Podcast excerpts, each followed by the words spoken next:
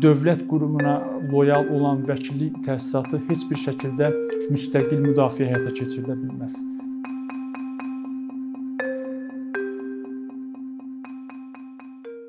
Son bir neçə ildə yerli və beynəlxalq insan hüquqları təşkilatları Azərbaycanda vəkillik təsisatında sistemli problemlərin olması haqqında tez-tez danışırlar. Və biz bu problemlər barədə danışdıqda və problemlərə bax diqqətlə baxdıqda görürük ki, bütün bu problemlər əslində vəkilliyin həqiqi rolunun düzgün qavranılmamasından və vəkilliyin cəmiyyətdə yer almalı olduğu, həyata keçirməli olduğu daha doğrusu funksiyasının yerinə yetirilməsinə deməli imkan verilməməsindən qaynaqlanır. Və mən bu gün bu çıxışda istərdim ki, vəkilliyin əslində həqiqi rolundan və bu rolu icra etməsi üçün onun ona zəruri olan ə, müstəqillik və ifadə azadlığı haqqında danışım. Vəkilliyin əsas rolu haqqında danışmazdan öncə mən istərdim qısa şəkildə vəkilliyin tarixi təşəkkül tapma formasına biz baxaq. Vəkilliyin institut olaraq, təsisat olaraq vəkilliyin qədim Yunan və Roma tarixinə qədər uzanan tarixində biz görürük ki, əsasən vəkillik ilkin olaraq yaxşı nitq qabiliyyəti olan e, şəxslərin və e, müdafiə etdikləri şəxslərə isə münasibətdə loyal e, davranması yolu ilə həyata keçirilirdi. Hətta biz görürük ki, vəkilliyin tədricən inkişafı belə bugünkü bizim gördüyümüz məhkəmə infrastrukturunun tarixən yaranmasına və təşəkkül tapmasına gətirib çıxartmışdı. Başqa sözlə vəkillik eyni zamanda məhkəmənin bugünkü şəkil almasına da e, təsirli olmuşdur.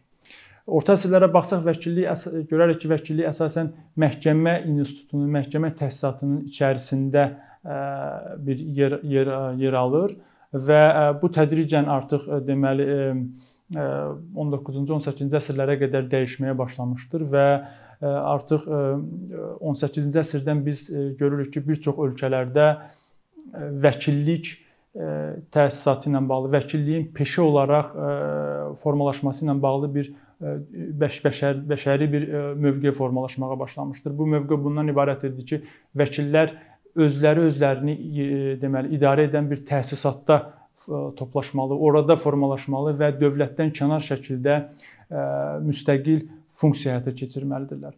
Lakin bu Avropada bu imperiyaların dağılması və milli dövlətlərin yaranması ilə 19-cu əsrdə artıq bu sistem biraz ə, e, müəyyən təsirlərə məruz qaldı və dövlətlər artıq milli dövlətlər başladılar ki, ə, e, müstəqil vəkillik təsisatının əslində ədalət mühakiməsinin tərkibində yer alan bir institut kimi dövlətə loyal olmasının zəruriliyindən danışmağa. Və e, biz baxsaq görək ki, 2-ci 2-ci dünya müharibəsinə qədər vəkillik təsisatının dövlətə münasibətdə loyallığı ilə bağlı çox ciddi basqılar baş verirdi. İstər ABŞ-da, istərsə də Avropa ölkələrində. Lakin 2-ci dünya müharibəsindən sonra universal insan hüquqları haqqında bəyannamənin qəbulu eyni zamanda bunun nəticəsində çoxsaylı beynəlxalq digər insan hüquqları üzrə deməli müqavilələrin qəbul edilməsi nəticəsində vəkilliyə də münasibət dəyişdi və artıq anlaşıldı ki, dövlət qurumuna loyal olan vəkillik təsisatı heç bir şəkildə müstəqil müdafiə həyata keçirə bilməz.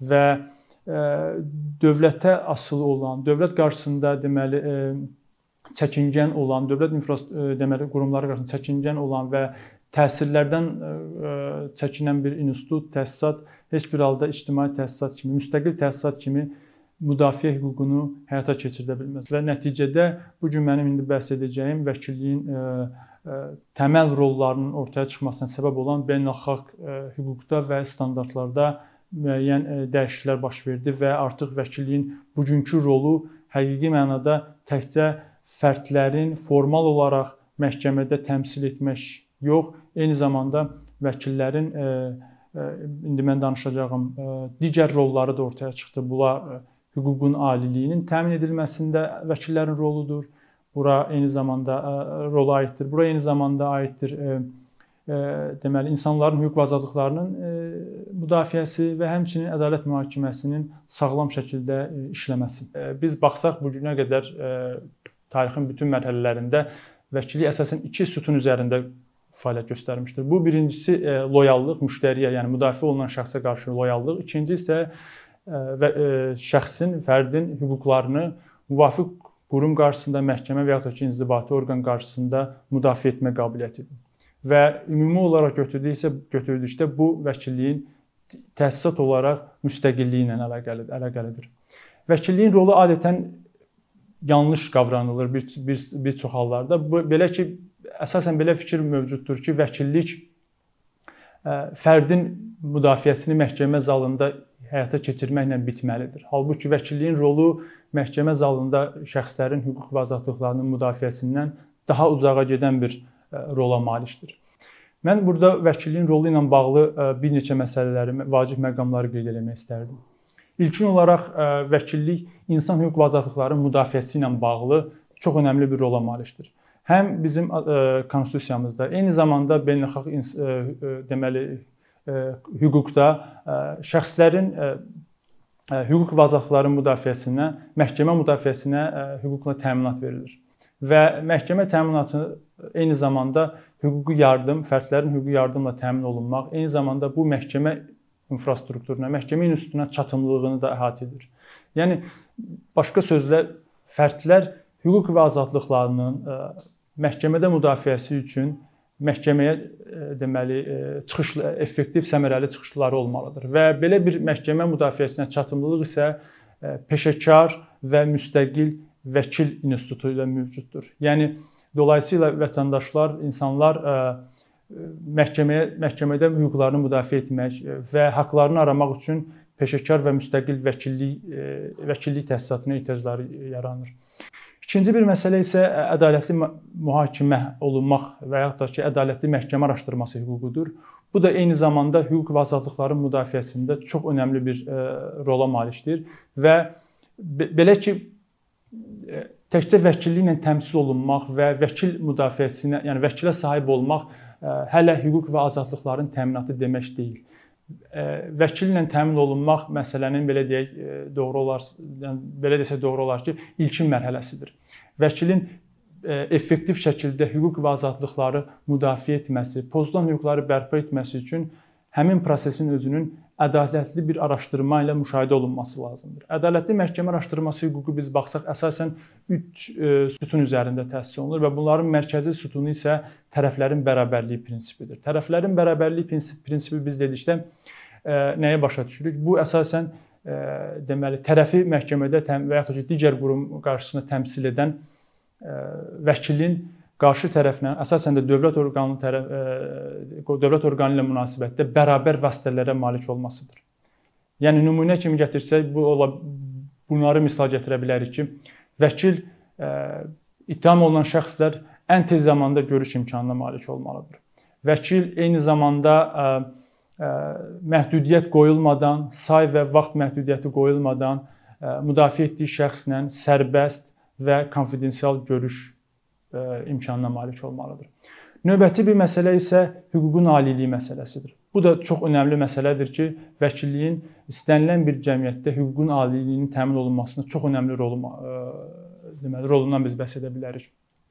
Bildiyimiz kimi hüququn aliliyi qısaca anlayış versək belə təzahür edir ki, hüququn aliliyi müəyyən bir cəmiyyətdə insanların, eyni zamanda bütün institutların hüququn tərkibində, hüququn daxilində, hüquq çərçivəsində fəaliyyət göstərməsi ilə bağlıdır.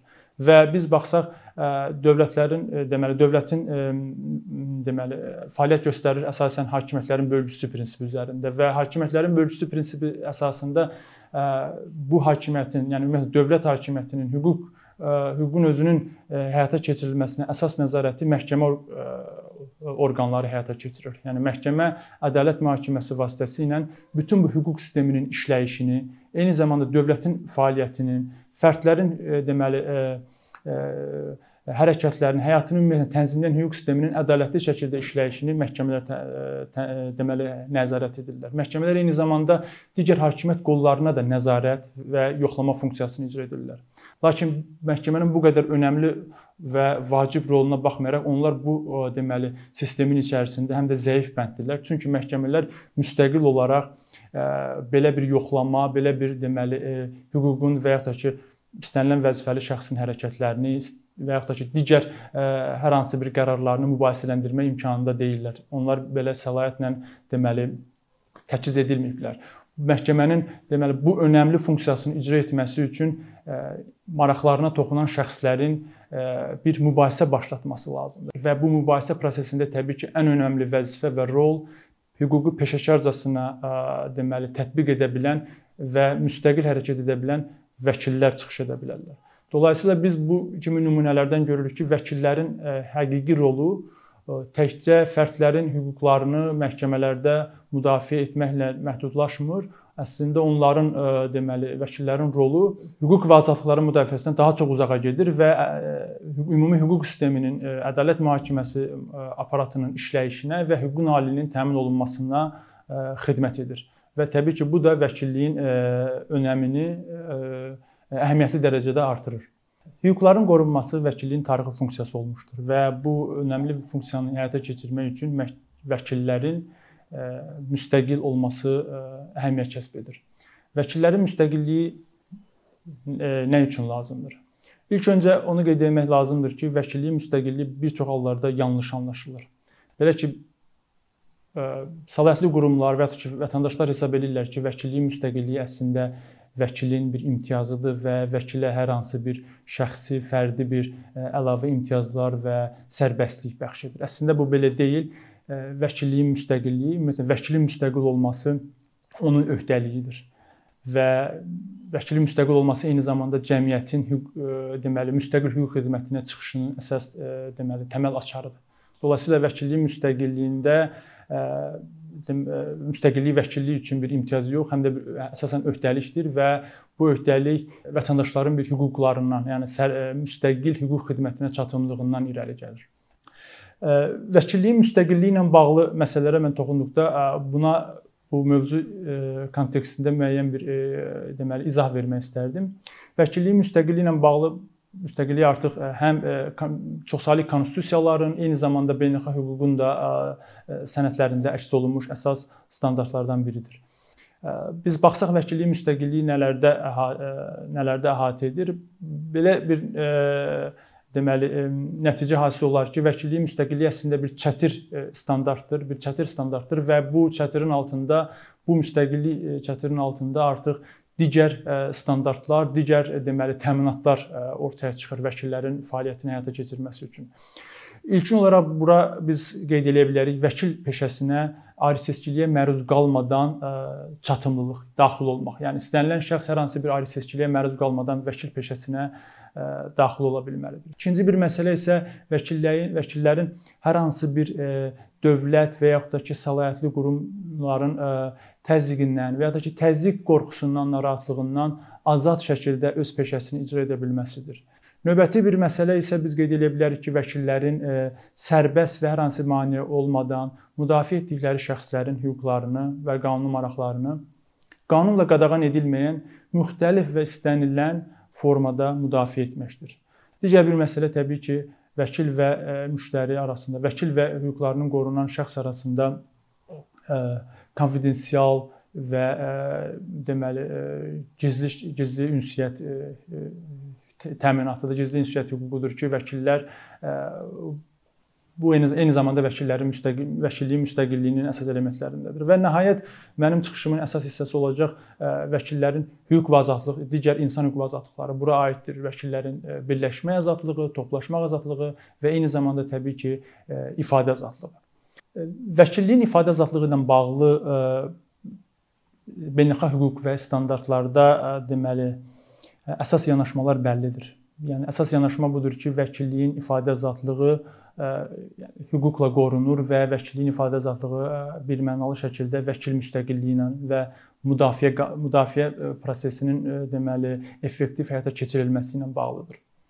Lakin biz baxsaq bir çox ölkələrdə. Eyni zamanda biz Azərbaycanda da bu tendensiyanı görürük.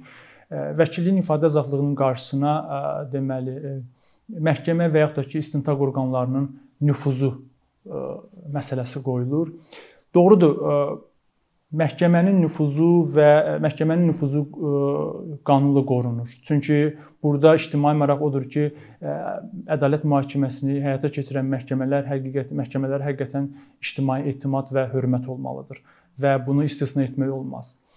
və eyni zamanda məhkəmə və istintaq orqanlarının ifadə azadlığı deməli müəyyən məhdudiyyətləri var. Çünki onlar dövlət hakimiyyətinin bir qolunu təmsil etdikləri üçün və eyni zamanda ədalət mühakiməsinin deməli ilə bağlı yekun qərar çıxardan bir qurum kimi onlar deməli bu institutun özünün deməli dövlət olaraq loyal olmalıdır, loyallığını tələb edir.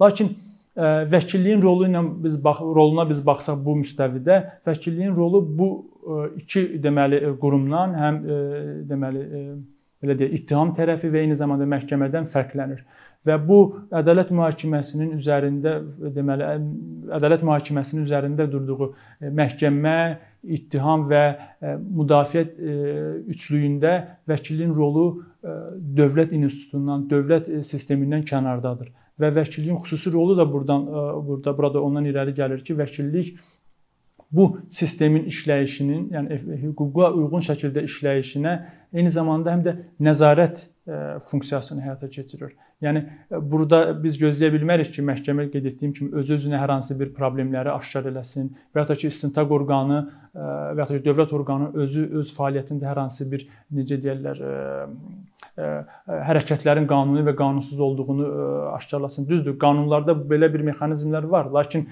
fərdlərin baxışı açısından və eyni zamanda fərdlərin maraqlarına toxunması baxımından bu sistemdəki nöqsanları, problemləri aşkar edə biləcək əsas struktur müstəqil vəkillik təsisatıdır, təsisatıdır.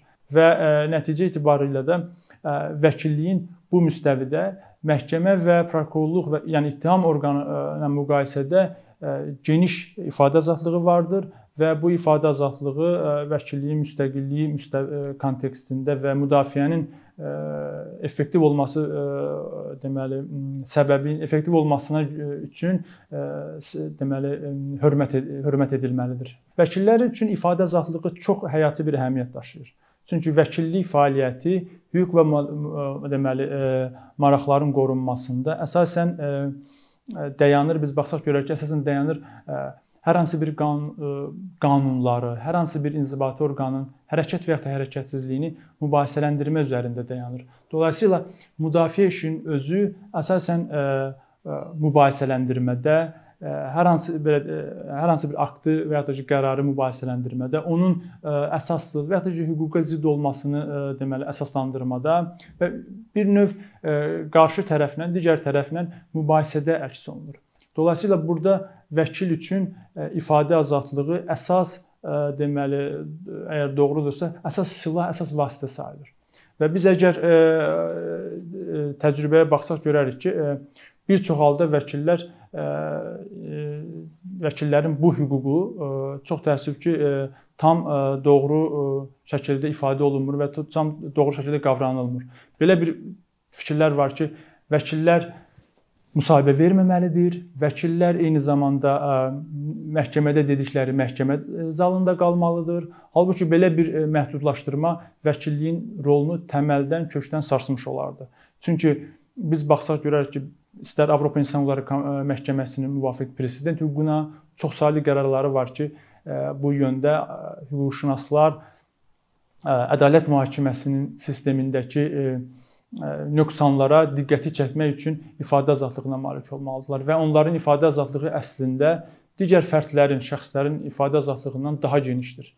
Çünki qeyd etdiyim kimi vəkillər təkcə yuxarıda sadaladığım bu rollarından irəli gələrək, ədalət mühakiməsi sistemində rollarından irəli gələrək onlar təkcə fərdlərin hüquq və azadlıqlarını məhkəmədə qorumaqla məhdudlaşmır onların fəaliyyəti. Onların fəaliyyəti əslində ədalət mühakiməsi sisteminin qüsursuz şəkildə işləməsini təmin təmin etməkdir və bu kontekstdə onların ifadə azadlığı ən önəmli bir vasitədir və belə bir vasitənin deməli inkar edilməsi təbii ki, vəkilliyin əsas rolunu istisna etmiş olardı və bu təbii ki, eyni zamanda həm də insanların müdafiə hüququnu deməli qeyri-effektiv və xəyali bir hüquqa çevirmiş olardı.